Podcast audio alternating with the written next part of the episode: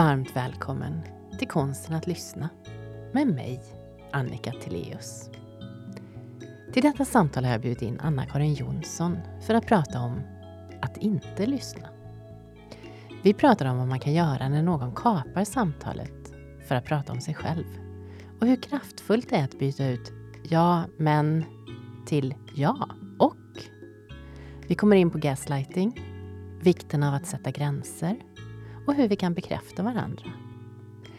Är mitt bekräftelsebehov ett problem? Och hur många bullar tog Anna-Karin egentligen? Det här är konsten att lyssna.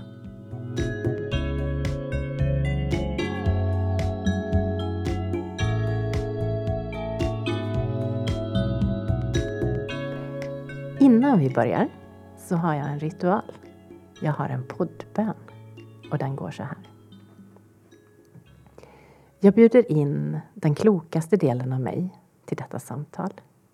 Låt mig vara öppen, äkta och närvarande. Låt samtalet vara varmt, utforskande och fullt av tillit. Låt oss ta fram det bästa i varandra och välkomna det som sker. Låt detta samtal bli ett fint minne som vi skapar tillsammans, här och nu. Fint. Tack. Vad händer i dig? Men det jag tänker rent spontant är ju att så här skulle man ju inleda väldigt många samtal egentligen. Eh, för det som händer är ju att jag börjar själv att reflektera över hur hade jag gjort om vi inte hade startat på det här viset? Eh, och när jag börjar reflektera och tänka då har jag kopplat på en mycket större del av min hjärna än det man kanske är ibland från början som är mera oh, hur ska det här bli nu då? Där man kanske är lite mer orolig över men tänk ifall jag inte levererar. tänk om inte Annika får det hon tänkte sig ur det här samtalet. Och så. Mm, då blir det sannolikt ännu bättre än Ja. vad jag hade tänkt. Varmt välkommen hit, Anna-Karin Jonsson. Tack så jättemycket. Ja, idag blir det lite speciellt samtal. Mm.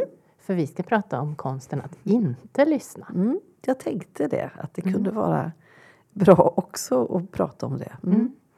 Och hur, hur ser din ingång ut till att inte lyssna? Jag tänker så här att eh, ibland så är det ju faktiskt så att vi hamnar i situationer, i möten med människor som inte vill oss väl. Eller som har så mycket på sin egen agenda, jag ska säga, så att ja, men de kanske bara vräker ur sig saker mot mig som det faktiskt inte beror på hur jag har betett mig, utan det kan vara gammalt bagage som kommer. Och då kan det ju vara väldigt bra faktiskt att inte lyssna. Eh, att man får upp en, eh, ett skydd. Och att man då reflekterar över, vänta lite grann nu. Vad handlar det här om egentligen? Det här är ju en av de sakerna som härskartekniker handlar om. Jag brukar säga det att om du får en härskarteknik mot dig så skulle du nästan kunna ta det som en komplimang för att den här personen på något vis ser dig som ett hot. Och det är väldigt många, eller väldigt få av oss som går omkring och känner oss själva som ett hot. Som att vi skulle vara i en sån maktposition så att andra är lite rädda för oss. Det är mer vanligt att vi känner oss lite underlägsna och oroliga över att inte vara bra nog. Så vi kommer att prata om härskartekniker. Mhm. Men vi kommer också att prata om de motmedel som finns att Mm. bekräfta varandra. Precis. Och eh, en fråga som jag får rätt ofta det är att möta andra som inte lyssnar. Mm. Och jag har fått ett eh, mejl från en lyssnare. Mm. Och jag tänker att vi kanske kan börja där. Mm. För det är en väldigt vanlig fråga. Och det här kommer från Johan. Och han är helt med på att vi får använda det här. Så eh, jag läser helt enkelt upp Mm. Johans brev eller mejl. Hej Annika! Jag lyssnade precis på ett poddavsnitt med dig. Tack för en spännande diskussion och poddavsnitt. När jag berättar saker för min pappa så börjar han alltid prata om sig själv eller vad han har gjort. Till exempel, vi var på Gotland en vecka. Då börjar han prata om när han var på Gotland och vad de gjorde. Frågar inget om min resa eller lyssnar på vad jag hade att säga om min resa. Vad ska jag göra? Säga? Oh. Alltså det här är ju så mycket vanligare än vad vi vill tro. Det här är ett av de vanligaste sätten att eh, bete sig i ett samtal. För det som händer när Johan berättar om Gotland, sin resa på Gotland, det är att det liksom krokar tag i pappas tankegångar, sina egna minnen. Och så, så blir det alltid. Sen är det liksom, vad gör vi av det? Hade man... I de bästa världar så skulle det varit så här att eh, Johans pappa säger att oh, Gotland, det får mig att tänka på, påminn mig själv sen att jag ska berätta om när vi var på Gotland. Och sen så langar han tillbaka bollen direkt till Johan. Det hade ju varit fint. Men det är väldigt vanligt just att vi avbryter varandra, vi eh, tar våra egna, det, det vi själva är fulla av så att säga. Eh, och bara pratar på och glömmer vem det faktiskt var som startade tråden så att säga. Ja, och så är frågan, ja, vad ska han göra? Vad, vad gör man i en sån situation? Mm. Alltså, jag skickar ett svar till Johan. Ja. Vi får se om bra. du, om ja, du tycker bra. att det var ett bra svar. um, jag svarar så här. Hej Johan! Vad roligt att du lyssnar på podden och att du uppskattade samtalen. Tack för en fin och viktig fråga. Jag har några förslag och hoppas att något av dem kan vara till nytta för dig. En fras som många upplever är hjälpsam när någon kapar ett ämne och börjar prata om sig själv är att säga något i stil med Jag vill gärna höra mer om din upplevelse av Gotland efter att jag har berättat klart om min. Ett annat sätt att tackla det är att använda sig av jag-budskap.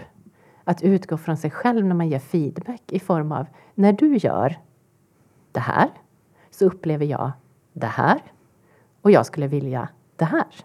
Mm. I ditt fall skulle det kunna låta någonting i stil med det här.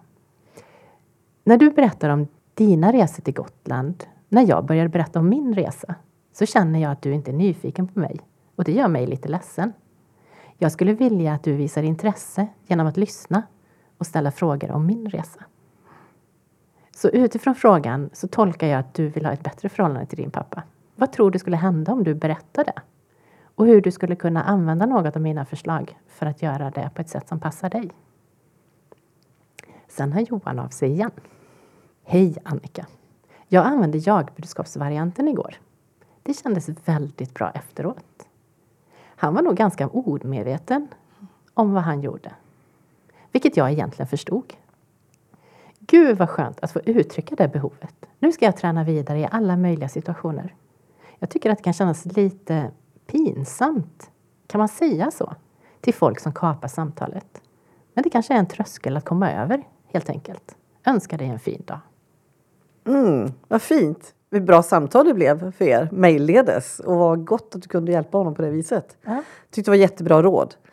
Eh, och precis som Johan säger, pappa var säkert inte medveten om det här. Och de flesta av oss som har olika olater för oss är inte medvetna om det. det jag brukar utgå från att, att vi är egentligen väldigt goda och välvilliga människor. Vi vill kunna kommunicera, vi vill föra samtal vidare och är inte medvetna om hur vårt sätt att bete oss faktiskt kan ställa till det i kommunikationen.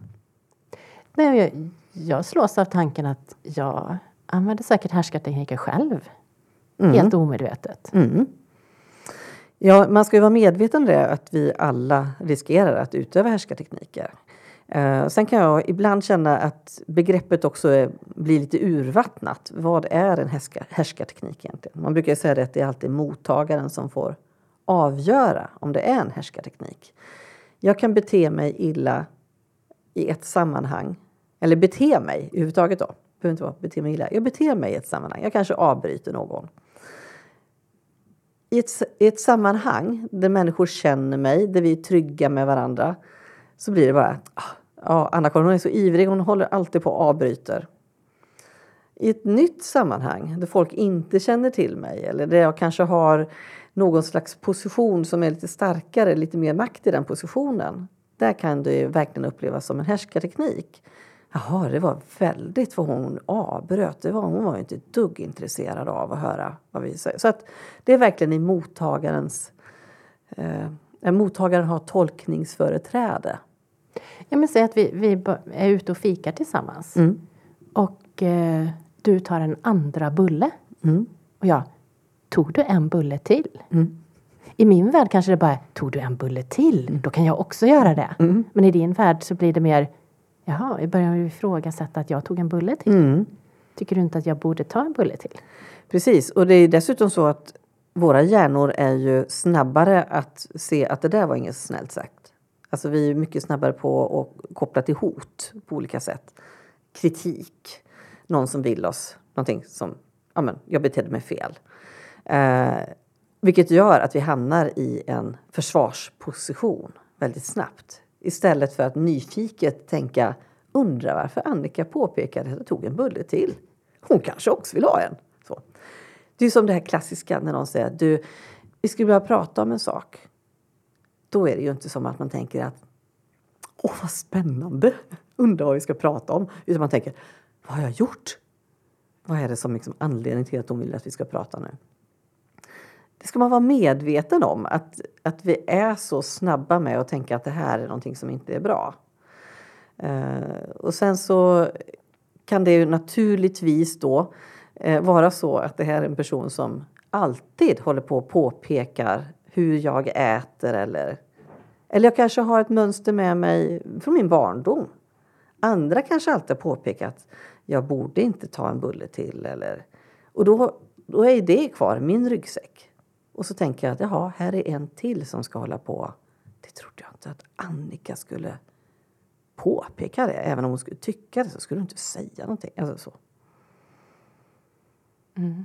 Och det kanske det ligger på mig också i det här samtalet att oj, nu, nu såg det ut som om Anna-Karin tog emot det på ett sätt som jag inte menar. Då kanske jag kan förklara mer. Eller oj, hur landade det hos dig? Det var inte meningen. Jag tänkte bara att då kan är det fritt framför mig att ta en bulle precis, till. Precis, och det är den här goda kommunikationen. När vi, dels är det ju mycket lättare att kommunicera när vi ser varandra. Eh, för att då har jag mer koll på eh, den andra personens kroppsspråk, signaler, ögonlock som fladdrar, vad det nu kan vara för någonting som helt plötsligt signalerar att Nej, men det här blev inte bekvämt, det här vart en konstig fråga att få. Och så kan man, har man möjlighet att fånga upp den. Eh, och som du säger, vad fint om man verkligen gör det också. Att man liksom backar tillbaka själv. Nej men du, oj, det där bara slank ur mig. Jag är också nämligen så sugen på bulle så att jag kände att jag... Det var ju egentligen för att rättfärdiga mitt, egen, mitt eget beteende som jag ställde frågan. Eller som jag poängterade att du tog en bulle till.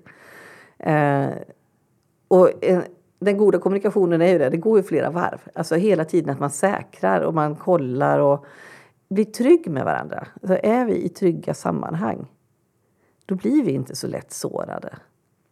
Eh, men är det någonting som, som är vingligt, alltså då, om det är någon maktposition eller alltså jag är i någon slags beroendeställning. Om du var min chef och vi var ute och fikade och du sa till mig att men du, tar du en bulle till? ja, men nu, nu kan vi liksom snacka om att det kan börja likna härskartekniker. För varför skulle någon som redan har makt över mig platta till mig på det här viset? Mm. Och där finns det ju otroligt subtila saker man kan göra. Jag vet, jag hade en chef vid ett tillfälle som under ett utvecklingssamtal tog anteckningar. Och när hon pausade så la hon ner anteckningsblocket med sidan neråt där hon hade skrivit sina anteckningar. Det gav en otroligt obehaglig känsla till mig. För hon, det var ju uppenbart att hon hade skrivit något som hon inte ville att jag skulle se.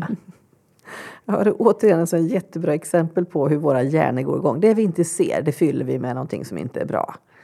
Eh, är det inte transparent, då finns det en anledning till det. Det kan ju vara det att hon helt enkelt inte vill att du ska distraheras av vad hon har skrivit. Eller att hon skämdes för sin handstil. Ja, precis. Det kan ju vara vad som helst egentligen. Eller, hon kanske skrev att alltså, Annika är så bra på att uttrycka sig. Men hon kanske inte vill att du ska se det, men hon vill, behöver komma ihåg det själv. Men genom att hon lägger ner blocket skickar det en signal. Ja, hur kunde hon ha gjort istället? Ja, hon kan ju inledningsvis i samtalet ha sagt istället att nu kommer jag att föra lite anteckningar för min, mitt eget minnes skull. Jag kommer att lägga dem upp och ner Annika för att du inte ska behöva distrahera dig över vad det är. Men jag vill, jag vill ändå nämna det så att inte det här blir någonting så att du tänker att jag skriver ett ofördelaktigt eller så. Och då, då handlar det om en självkännedom också. Hos ett, att, vi, att det ska finnas en självkännedom hos den här ledaren. Att jag vet att jag har det här beteendet i möte och det kan skicka så här signaler till den jag har mitt emot mig. Så därför kan jag börja med att trygga rummet genom att påtala det. Eh, och då, då blir det ju ingen grej liksom efter det. Nej. För vid ett annat tillfälle eh, hade jag varit i Japan och skulle berätta för en person om den här eh, Japanresan. Och där jag säger att eh, ja, jag tycker att det var jag var förvånad själv över att folk inte möter blicken på tunnelbana eller på gatan. Och att jag blev medveten om att jag saknade det. För tydligen går jag omkring och försöker möta blicken och le mot människor. Mm. Och den här personen jag berättade för säger jaha, jag visste inte att du hade ett så stort bekräftelsebehov. Oj. Ja, hur bemötte du det? Nej, men I det läget blev jag nog bara ledsen och så var jag tvungen att fundera själv. Jaha, den kopplingen har jag aldrig Nej. gjort. Nej. Eh, den behöver jag nog fundera på. Kan det vara så att den här personen har sett något som jag inte är medveten om hos mig själv? Mm. Och sen blev jag lite ledsen. Mm. Att, jaha, var det hennes reaktion? Och får, får hon tolka mm. mer än vad jag gör en situation? Mm. Så jag tänker så, det här att leverera sanningar om den andra personen. Alltså och ge sig själv tolkningsföreträde. Det är ju också väldigt konstigt. Precis som oombedda råd ja, då nästa gång du åker till Japan då skulle det gjorts där istället. Eller, det, det blir så konstigt. Det blir liksom en... Eh, eh, det är inte respektfullt att göra på det viset. I det här läget så skulle hon ju kunna tagit ditt jag-budskap där. Om jag går och söker andras blickar och ler så, kan, så tror jag att jag gör det för att jag vill ha bekräftelse. Jag har aldrig funderat på... Alltså kunna ta det som en nyfikenhet eh, istället. Alltså den här nyfikenheten har vi ju alldeles för lite av. Att vara intresserad av vad är det som gör att du känner att, att du mår bra av att möta människors blickar och leenden? Att ställa den frågan istället för att leverera jaha, det är för att du behöver bekräftelse. Det är en otrolig skillnad i det. Och när vi har en nyfikenhet Alltså det är då vi har en möjlighet att nå fram till varandra. Vi är ju ofta så mycket mer fokuserade på att bli förstådda än att förstå. Mm. Apropå jag-budskapet. liksom, vi är mycket mer det här att jag ska nu, ska, nu är jag här idag Annika, för nu ska jag berätta om hur jag ser på det här med härskartekniker. Du menar att vi är mer fokuserade på att prata än på att lyssna? Än att lyssna. Verkligen. Fast vi har två öron och bara en mun. Mm. Mm. Och när man kan släppa mer på det där, att, att men, släppa fokus på sig själv eh, och faktiskt vara nyfiken på vem är det jag har mitt emot mig och, och vad blir det här för samtal? Då blir jag ju också mer närvarande i nuet. Och när man är mer närvarande i nuet, då har man tillgång till hela sin hjärna. Och det är så himla praktiskt, för den är ganska bra att ha den här hjärnan. Det är ju bland annat den som då kan reagera och tänka att det där behövde inte vara ett hot. Undra varför hon sa på det där viset eller varför hon gör på det viset. Eller... Och då kanske jag kunde använda min nyfikenhet. Oj, drar du en parallell med ögonkontakt och bekräftelsebehov? Ja. Berätta mer. Ja, precis.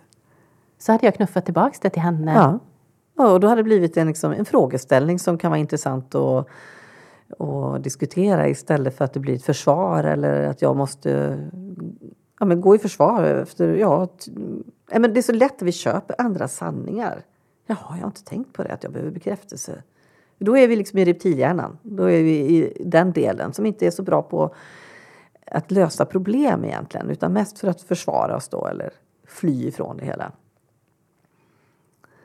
Och, kan vi, och det är det här man pratar allt mer om i neurodynamiskt ledarskap och sådär, att vi ska vara psykologiskt trygga på arbetsplatsen. Och det handlar ju väldigt mycket om att vara nyfiken på vem jag har framför mig eh, för att kunna reagera mer så då i situationer att, ja vad intressant, nej det har jag inte tänkt på att det skulle vara bekräftelsebehovet som gör det. Jag bara blir så glad när jag träffar andra människor eller ser hur de mår.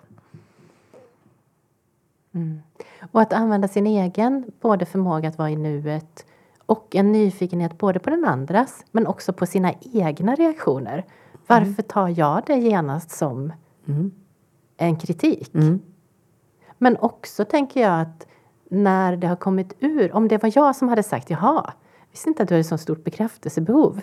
Så kanske fundera på, men vänta vad sa jag nu? Mm. Och var kom det ifrån? Och så kunna lägga till att, nej men Anna-Karin, ja, det där får jag nog fundera lite vidare på. Det var inte meningen. Jag förstår att det kommer från någonting inom mig. Mm. Precis som jag skulle kunna sagt ifall du hade sagt det här till mig om bekräftelsebehovet. Sagt att oj, vad den där tog på något konstigt vis. Vad intressant.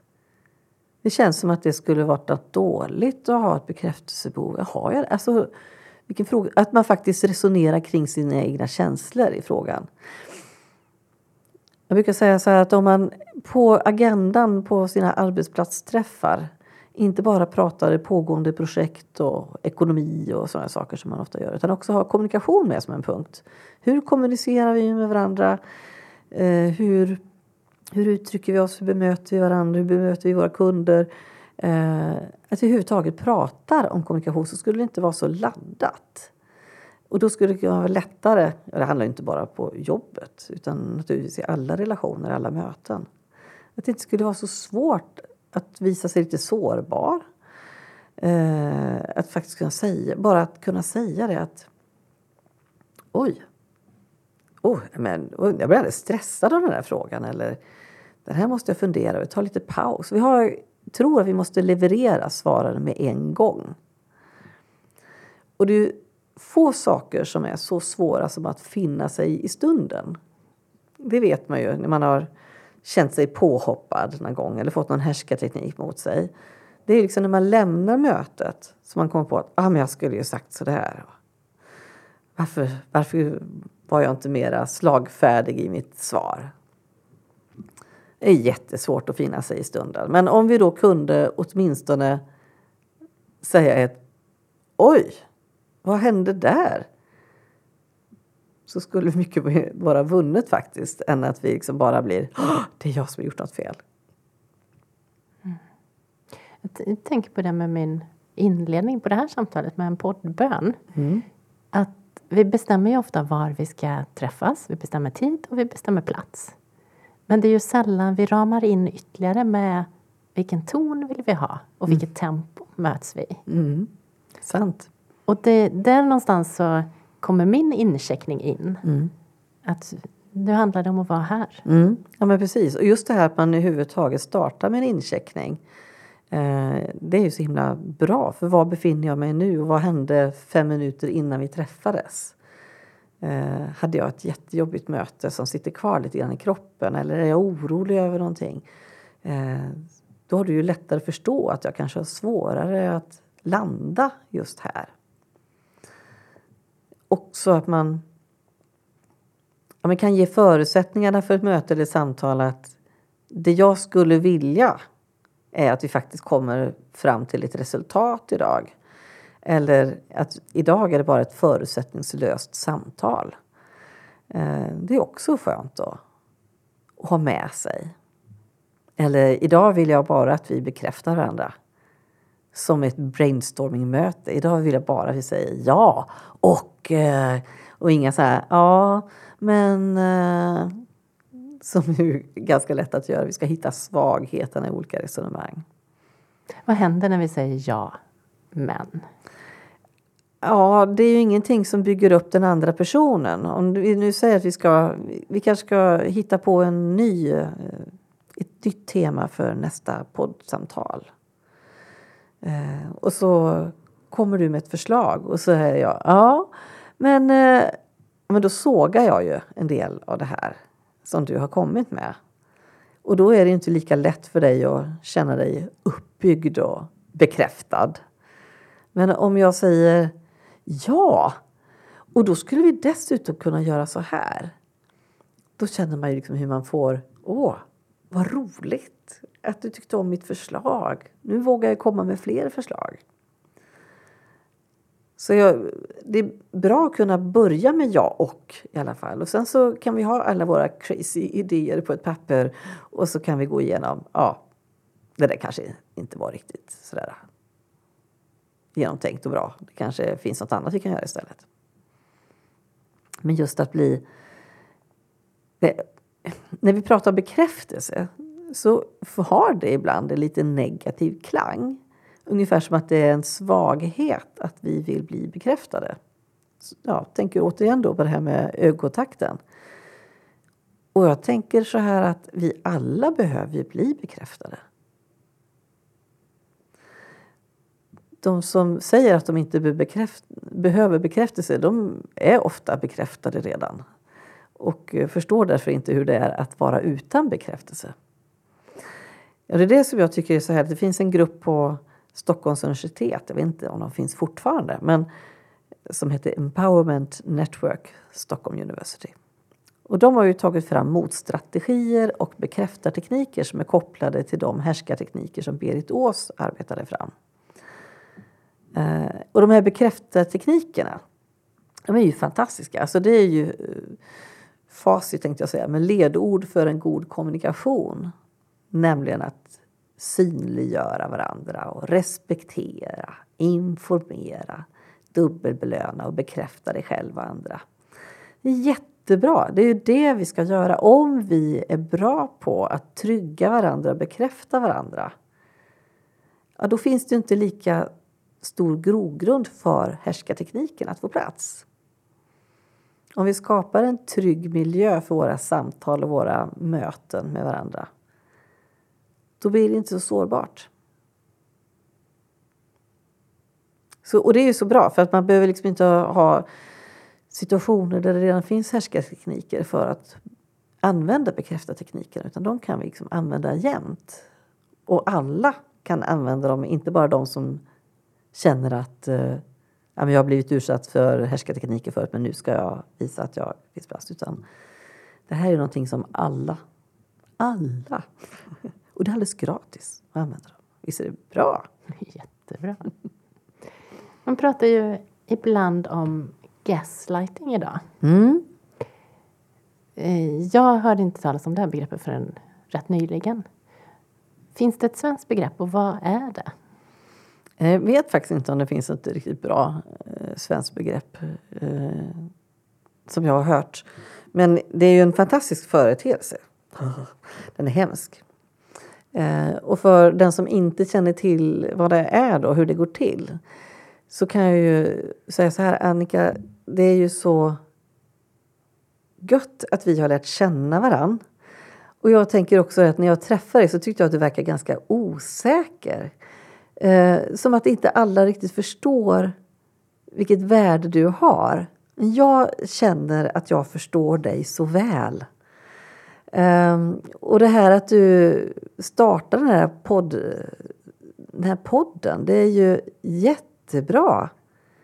Det såg jag med en gång att det här skulle du göra superbra. Och vad jag har förstått så är det inte så att du har känt dig så bekräftad och förstådd på det viset tidigare. Så att det, jag tycker att det, och sen ska du inte lyssna på vad alla andra säger. Men det är så många som, vill, som inte vill dig väl. Och det är bra att du är medveten om det. Men mig kan du lita på. Jag ser dig Annika, jag ser vad du behöver. Känns det bra? Ah, ja, nej. Och någonstans ändå lite. Ja. ja men det är, och, alltså tar vi det, för det är väldigt ofta som det här är i romantiska relationer den här känslan av att man faktiskt äntligen har träffat den här personen som ser mig och förstår mig. Det är vi ju normen är ju att vi ska träffa den rätta. Det är fortfarande är ju så. Det finns liksom inte många filmer eller böcker som handlar om någonting annat. Att det lyckligt slut innebär att jag har hamnat med rätt partner. Och det här att träffa någon som säger att, att jag ser ju på dig, jag märker på dig att du inte mår bra med dina vänner. Du kanske inte märker det, men att de, alltså de är ju ute efter... Det är klart att de vill vara med dig. För du har ju den här statusen och den vill de ju naturligtvis eh, komma åt eller vara i din glans. Men vad ger de dig egentligen? Eh, alltså någon som får dig att tvivla på att de människor du redan har omkring dig, om det är din familj eller om det är dina vänner, att de faktiskt vill dig väl. Men jag, jag ser dig, jag älskar dig för den du är. Jag har förresten köpt en klänning åt dig. Alltså jag, när jag såg den så förstod jag direkt att det här skulle du vara så vacker i. Nu kan vi passa på att gå till frisören också. Så kan du gå ner lite i vikt. Så kan kanske. du gå ner i vikt lite grann också. Och så vore det kul om vi bara kunde... Vi är ute så mycket. Kan vi ha det mysigt hemma bara? Bara du och jag. Jag behöver ingen annan. Jag behöver bara dig i mitt liv. Det är så fint att vi kan vara du och jag.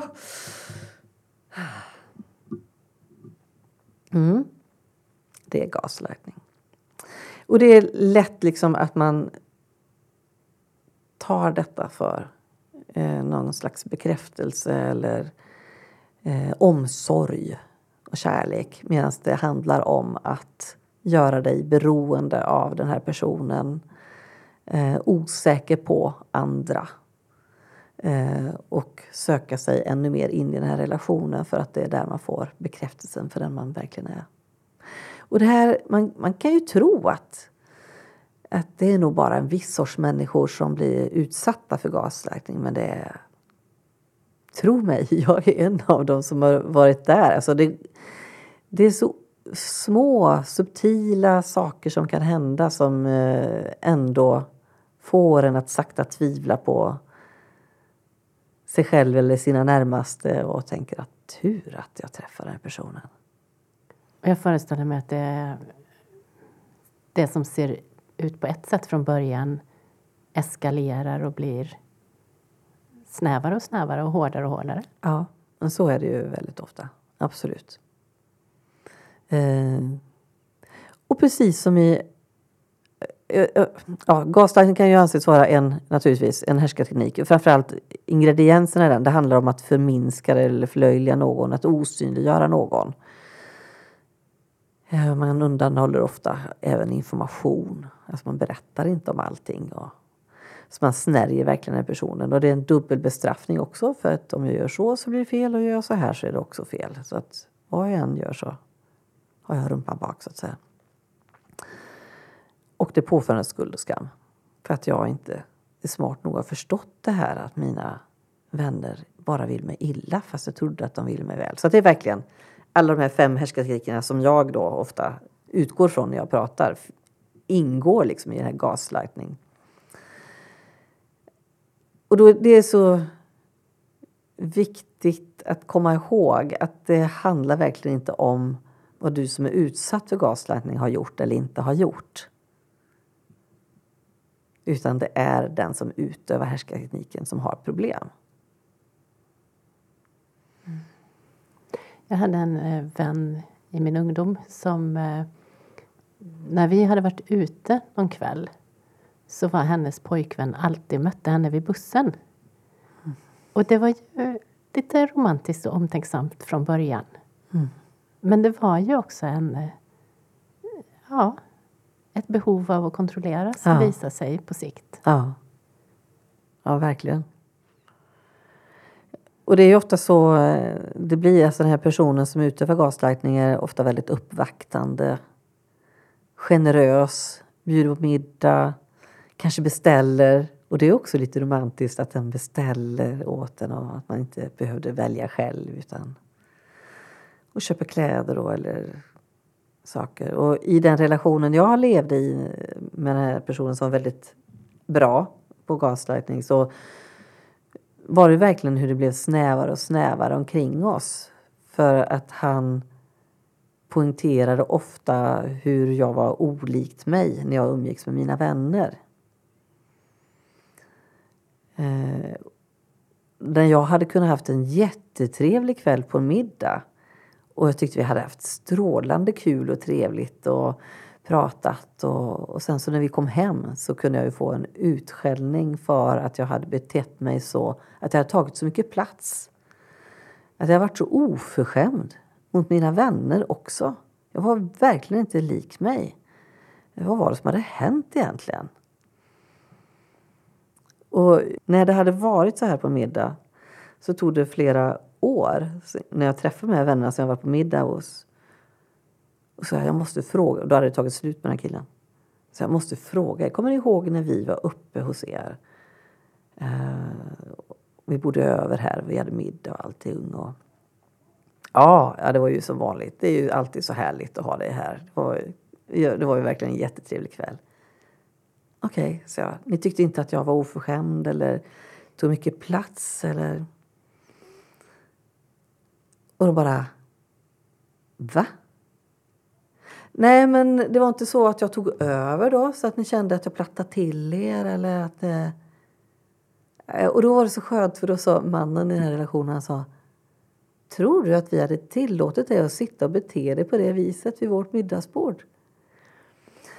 Och just det, det var ju underbart att höra från dem att nej men så var inte fallet. Men också den här insikten om att hur någon hade lyckats plantera det där fröet av tvivel hos mig själv. När jag kände att jag var i mitt flow så fick han mig att känna att och det är så fult mot andra när du är sån. Det tog jättelång tid för mig att komma över det. Jag var så många år, decennier efter som jag var liksom Ja men du vet man sitter och skrattar och har jättetrevligt och man diskuterar och så kunde jag efteråt få liksom nästan ångest över att jag hade låtit så mycket, tagit så mycket plats. Hur gjorde du för att ta dig ur det här förhållandet? Eller vad, vad var det som fick dig att känna att någonting var fel? Mm. Um, och jag kan inte riktigt sätta fingret vad det var som fick mig till slut att ändå fatta beslutet, för det var jag som fattade beslutet. Jag fattade beslutet att jag ville att vi skulle ta en paus. I alla fall. Alltså det var ett väldigt destruktivt förhållande. Det var väldigt mycket gräl. Det var väldigt mycket röda rosor. Alltså efter varje gräl så fick jag röda rosor och det här var på den tiden när man torkade alla sina röda rosor man fick. Och hela lägenheten var full av röda torkade rosor. Um, jag vet att när jag hade föreslagit det där med pausen så, så förstod jag att han, han ville, eller förstod, han sa det väldigt tydligt att, att det var ju kul för då kan han ju få träffa andra kvinnor och sådär. Och jag sa att det kanske inte var riktigt så jag hade tänkt mig. Och, ja, det blev i alla fall ett uppbrott. Um, men uh, ja, det är intressant för att vi var inte ihop mer än ett och ett halvt år. Men jag hade tappat kontakten med så många vänner. Eh, och även till stor del med min familj egentligen. Eh, under den här tiden. Men det var ju ingen som förstod det utan de trodde ju att jag valde honom. Ja, det gjorde jag väl också då fast inte medvetet om man säger så. Men det är ju just det här att kunna bli så manipulerad av en annan person som man ju tyckte så mycket om. Eh, och som sagt jag kommer faktiskt inte ihåg vad det var som fick mig att göra men jag, men jag kommer ihåg känslan för att det urartade till slut så att vi hade bott ihop i hans lägenhet och eh, jag fick till slut så vi hade ett av våra fantastiska gräl Eh, när han störtar ut ur lägenheten och säger att okej, okay, när jag kommer tillbaka imorgon bitti så ska du vara borta härifrån. Eh, och då tänkte jag att det här har ju hänt förut. Han kommer nog tillbaka om någon timme. Och har jag börjat packa då och han inte menade det så kommer jag att få skit för det. Eh, å andra sidan, om man faktiskt menade att jag skulle vara borta och inte har börjat packa så kommer jag att få skit för det. Eh, men hur som så började jag i packa och när klockan blev tillräckligt mycket så jag kunde börja ringa, väcka mina vänner så ringde jag bland annat min bror och sa att, eh, att det vore fint om han kunde hyra en eh, liten lastbil och komma och hämta med mina grejer. Och så stack jag eh, innan han kom tillbaka. Och sen så berättade han ju för sina och mina vänner vilken jäkla fegis jag var som bara hade schappat utan att säga någonting. Så att det, det var, hur jag än hade gjort så var det fel. Liksom. Men jag kommer ihåg den där känslan av frihet. Att jag kom ut och bara kunde andas. Att verkligen hade kommit ur någonting. Mm. Vad har du för tips till den som är i en motsvarande situation? Att berätta om sin relation med andra, att faktiskt prata med andra. Eh, alltså det är väldigt lätt gjort att man ska vara så lojal mot relationen. Och om den inte utvecklar sig på det viset som man hade hoppats och trott så vågar man inte riktigt berätta det heller för att det är som att det är mitt eget fel att jag har försatt mig i den här situationen. Men eh, vare sig du är utsatt för eh, liknande saker i, i, en relation eller om det är på en arbetsplats och du blir illa behandlad så prata med andra om det. Eh, för ja, men bara en sån sak att du säger det högt får dig själv att höra vad du tänker, att förstå vad du tänker. Och sen är det ju så att man ofta kan få väldigt bra stöd från andra. Få höra det, liksom, att du, det här behöver du ju göra någonting åt. Så här ska du inte ha det. Och det är det viktigaste och det är det absolut svåraste. Att faktiskt prata med andra när man blir så illa åtgången av någon. För den här påföljande skuld och skam är så stark och så stor. Det skulle ju inte hända mig som har så mycket skinn på näsan och kan stå upp för mig själv. Vad säger det om mig som person om jag kan bli behandlad på det här viset? Och att jag inte kan säga ifrån eller lämna relationen. Det här var ju aldrig någon fysisk misshandel, men det var psykisk misshandel. Mm. Och vad ska man vara vaksam på? Ja, den här nyfikenheten som vi pratade om förut. Att den finns. Att den finns hos den du träffar. Uh, nyfikenhet på vem du umgås med. Nyfikenhet på att lära känna dina vänner. Lära känna din familj. Uh, det är absolut helt okej okay med mysiga hemmakvällar men eh, det får liksom inte bli på bekostnad av att du inte får eller kan umgås med dina vänner. Eh, om det är någon som tycker att den inte vill umgås med dina vänner så ska du inte sluta umgås med dem. Eh, det här när någon sätter, ja alltså om du tycker att dina vänner är viktigare än vad jag är. Alltså det är inte sunt och bli utspelad mot varann. Och sen så tycker jag nog att man ska vara lite vaksam för den här uh, lite gammaldags uh, uppvaktandet. Det är fint att få blommor någon gång och sånt där, men blir du lyssnad på? Alltså, det är verkligen det. Får du, har du någon som lyssnar på dig? Lyssnar han eller hon på dig? Eller är de mer måna om att få dig att förstå dem? Och det här också tycker jag är en, en varningsklocka när man möter någon som säger att, eh, att du är den enda som har förstått mig det är inte heller bra liksom, och sunt. Det behöver man också prata vidare om. Om man hamnar i en situation på en arbetsplats mm. där det här förekommer på något vis. Att eh, man känner sig förminskad. Vad ska man göra? Ja, samma sak där egentligen. Prata med andra. Eh, Förhoppningsvis har du någon på arbetsplatsen som du har förtroende för som du kan säga att du, jag upplever det här. När jag är i samma rum eller på samma möte som den här personen så känner jag mig förminskad och kan inte du bara vara du ska vara med på samma möte. Kan inte du bara vara mina ögon också och se, inbillar jag mig det här? Är det här gamla, gamla, gammalt bagage som jag har med mig? Eller är det faktiskt någonting som sker i rummet? Går det så kan man ju naturligtvis gärna prata med personen.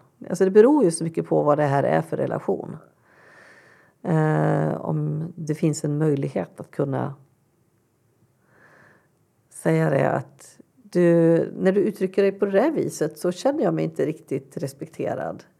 Eh, det känns som att du har men att det är någonting annat du egentligen vill säga till mig eller som du tycker. Det här behöver vi prata om. Men det kan vara svårt att säga ifall det är chefen eller ifall det är någon kollega som man är beroende av på något vis. Då.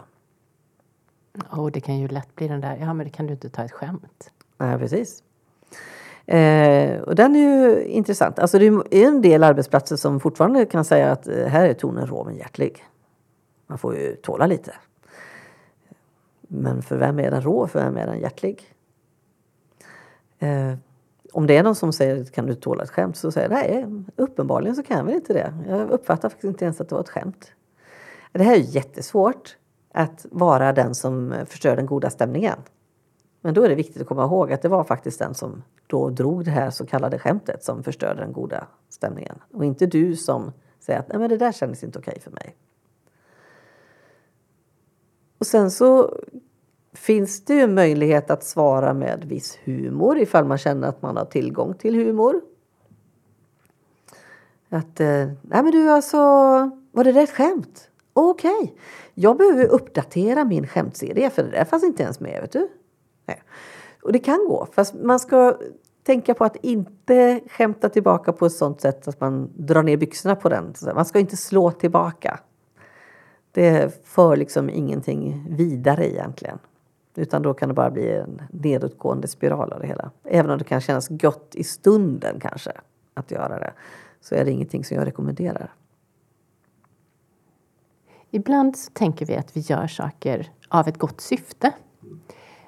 Och jag tänker speciellt på en situation där det var en kvinna som kom till mig som eh, hon var chef men hon ville inte ta så mycket plats. För att hon upplevde att om hon tog plats så tog hon ju plats från någon annan. Så att i hennes ledarroll så krympte hon. Och när vi hade utforskat det lite grann och hon pratade också med dem som hon jobbade ihop med så blev det tydligt att hon kunde ta plats. För hon tog inte plats på någon annans bekostnad. Mm. Utan hon kunde ta plats och vara inspirerande. För först när hon tog plats så kunde hon vara den hon var. Och då kunde hon vara en mycket, mycket bättre ledare. Mm. Och det där är ju intressant. Just att ta plats är ju faktiskt en motstrategi ifall det är någon som försöker osynliggöra dig så mycket man säger ta plats. Eh, och att ta plats är ju ett ganska negativt laddat uttryck. Det har blivit så att, att ta plats görs på någon annans bekostnad. Men alla har vi ju ett utrymme att fylla upp. Och jag behöver vara ganska tydlig, eller ganska, jag behöver vara tydlig med var mitt utrymme är någonstans. För om jag inte är det, om jag då som hon gjorde förminskar mig själv Ja, men då, då är det ju lätt gjort att någon annan är där och fyller upp det på fel sätt och säger att ja, du behöver tydligen inte så mycket. Det är inte så viktiga frågor för dig så att då kan jag ta det utrymmet. Men är man dessutom då en förgrundsgestalt på något vis eh, och inte tar plats då blir det också väldigt svårt för andra att växa och ta plats. Det är likadant sådana här klassiska eh, när man bjuder hem någon på mat och säger ja, nu vet jag inte hur det här smakar. Eller någon ger dig en komplimang och säger vad fin du är i håret Annika. Och bara, ja, nej, men usch, idag vet jag inte om det blev så bra. Det var ju bättre igår. Alltså det är också ett sätt att inte ta plats. Men genom att man förminskar sig själv så är det ju inte heller okej för mig att säga att ja, själv är jag nöjd med min frisyr nu. Jag tycker det känns jättebra. Eller? Så det här är ju en klassisk grej. Att ta plats men inte på annans bekostnad. Men att vara tydlig, sätta gränser eh, och verkligen, ja men det här är viktiga saker för mig, det här skulle jag vilja. Och sen kan vi kompromissa men jag skulle helst se att det var på det här viset. Eller om jag ska göra den här uppgiften så behöver jag få veta vilka tidsramar som vi har, hur ser budgeten ut. Eh, det är ett sätt att ta plats. Det är också väldigt mycket lättare för andra att bemöta mig och de förstår vem jag är. Har man under lång tid förminskat sig själv, antingen för att man har blivit förminskad av andra i andra sammanhang eller för att man tänker att om jag inte tar så mycket plats så är jag en mycket trevligare människa. Eh, så att det blir, ska vi boka tid så säger jag, nej men bestäm du. Du kan sätta tiden, det är bra. Ska vi träffas i 45 minuter? Ja, om du tycker 45 minuter är bra så kan vi göra det. Det spelar inte mig så stor roll. Ja. Jag tänkte vi skulle äta lunch. Vad föredrar du? Nej, men du vet, jag äter vad som helst så det behöver du inte tänka på. När det egentligen är så att jag verkligen inte hinner träffas mer än en halvtimme. Jag har redan planerat min lunch eh, så jag vill helst inte äta ute för att jag har så många allergier och jag tycker det är besvärligt att äta lunch ute. Och på liksom att förminska och inte är tydliga så är det ganska lätt gjort att efter en tid så kommer jag explodera. Tänk att det inte är någon som tar hänsyn till mig och vad jag behöver och mina behov. Och här går man och, och stöttar och hjälper till alla andra och, och underlättar för att eh, det ska bli bra och trevliga möten. Så att det här med att vara tydlig med vem man är och vad man behöver, det är viktigt. Och också att komma ihåg att när man känner en ilska eller blir arg så är det ofta en gräns som är överskriden. Mm. Så att ilskan och det, det arga vill en väl. Mm, För det vill tala om att du, det där, där fanns din gräns. Ja. Men där jag traditionellt också har blivit eh, många gånger egentligen blivit arg. Men det har blivit ledset i mig. Mm. Där jag har börjat gråta istället. Mm. Den kan jag verkligen känna igen mig Ja, och den, den, den, är ju så sorglig där jag inte ens har kunnat sortera ut mina egna känslor. Mm. Att vänta lite. Här är det sunt att va, bli arg. Mm. Jag menar inte aggressivt arg, nej. men att känna att nej, stopp. Här det, är min gräns. Det finns ju en mycket större acceptans att vara ledsen än att vara arg. Eh, jag brukar säga att tårarna är min ventil. Det är ju ilska som kommer ut bara i en mer socialt accepterad form. Eh, men när jag hade lärt mig förstå det själv så kunde jag liksom säga i, i gräl i hemmet liksom att nu kommer jag snart att gråta men det ska ni skita i för jag är arg. För det är ju lätt gjort att när man gråter att folk börjar tycka synd om en och då är det också väldigt svårt att vara tydlig. Ja, och att, att många arbetsplatser, ja, ja men det är hon som börjar gråta jämt. Mm. Och så, Offerkoftan ja, ja. kanske? Ja. Mm. Att det betraktas som någon form av skydds... Mm. Eller flyktmekanism. Ja men precis. Jag tror vi är många som är ovana vid att visa eh, ilska. Eller ens att känna ilska. Utan att det kommer som andra ångest eller en ledsenhet istället. Och precis som du säger att när det här när man blir arg eller ledsen då är det ju en gräns som redan har passerats. Eh, så att vi behöver träna oss ännu mer på att vara tydliga och att det är okej. Okay. Och sen behöver man inte vara rigid. Eh, att det inte går att rucka på utan det är klart att vi ska kunna kompromissa. Men det är ju lättare för människor att ta och ge om de förstår vad det är jag vill och behöver. Mm. Och kanske att fortsätta vara nyfiken på sig själv och sin mm. reaktion. Mm. Oj, nu blev jag ledsen. Mm. Vad, var, vad var det som hände? Ja. ja, oj, det var ju mina gränser. Det var ju egentligen ja, det arga. Det. Precis. Ja. Jag vet att jag hade en som eh, gick en kurs hos mig som var ledare. Eh, och när vi just pratade om härskartekniker eh, och självkännedom så sa han det att han var ganska lång och hade ett stort kroppsspråk.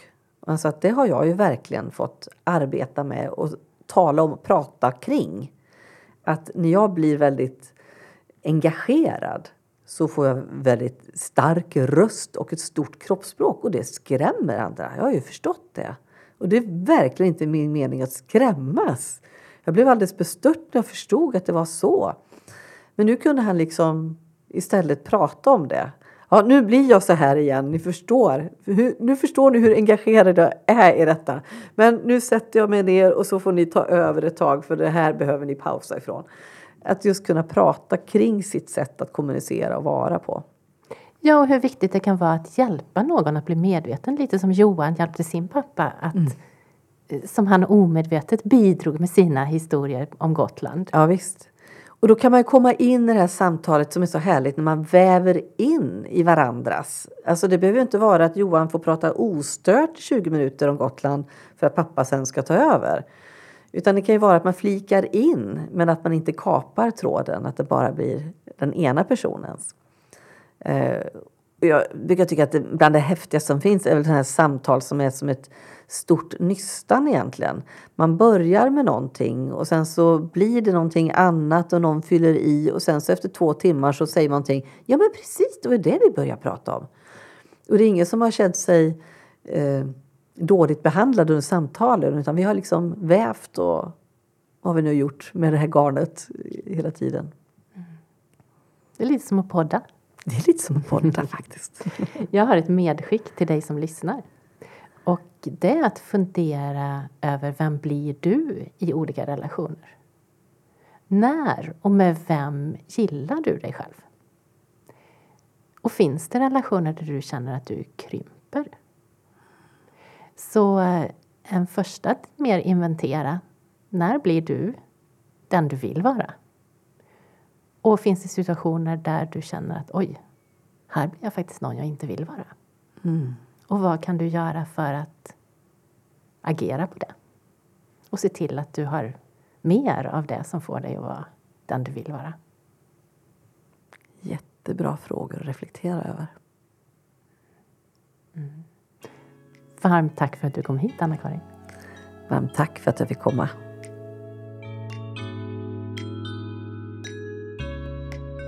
Det är lätt att vi köper andra sanningar om oss själva. Men när vi är nyfikna har vi lättare att resonera runt våra egna känslor och reaktioner.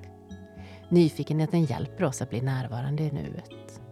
När vi är både nyfikna och närvarande i nuet får vi tillgång till en större del av vår hjärna och vi har lättare att nå fram till varandra. Vi skapar en trygg miljö när vi bekräftar varandra genom att synliggöra, respektera, informera, dubbelbelöna, bekräfta sig själv och andra. Gillar du detta avsnitt så kan jag varmt rekommendera avsnittet med Christian Windahl som spinner vidare på temat nyfikenhet. Christian och jag pratar om att ställa frågor och stanna kvar och lyssna på svaren.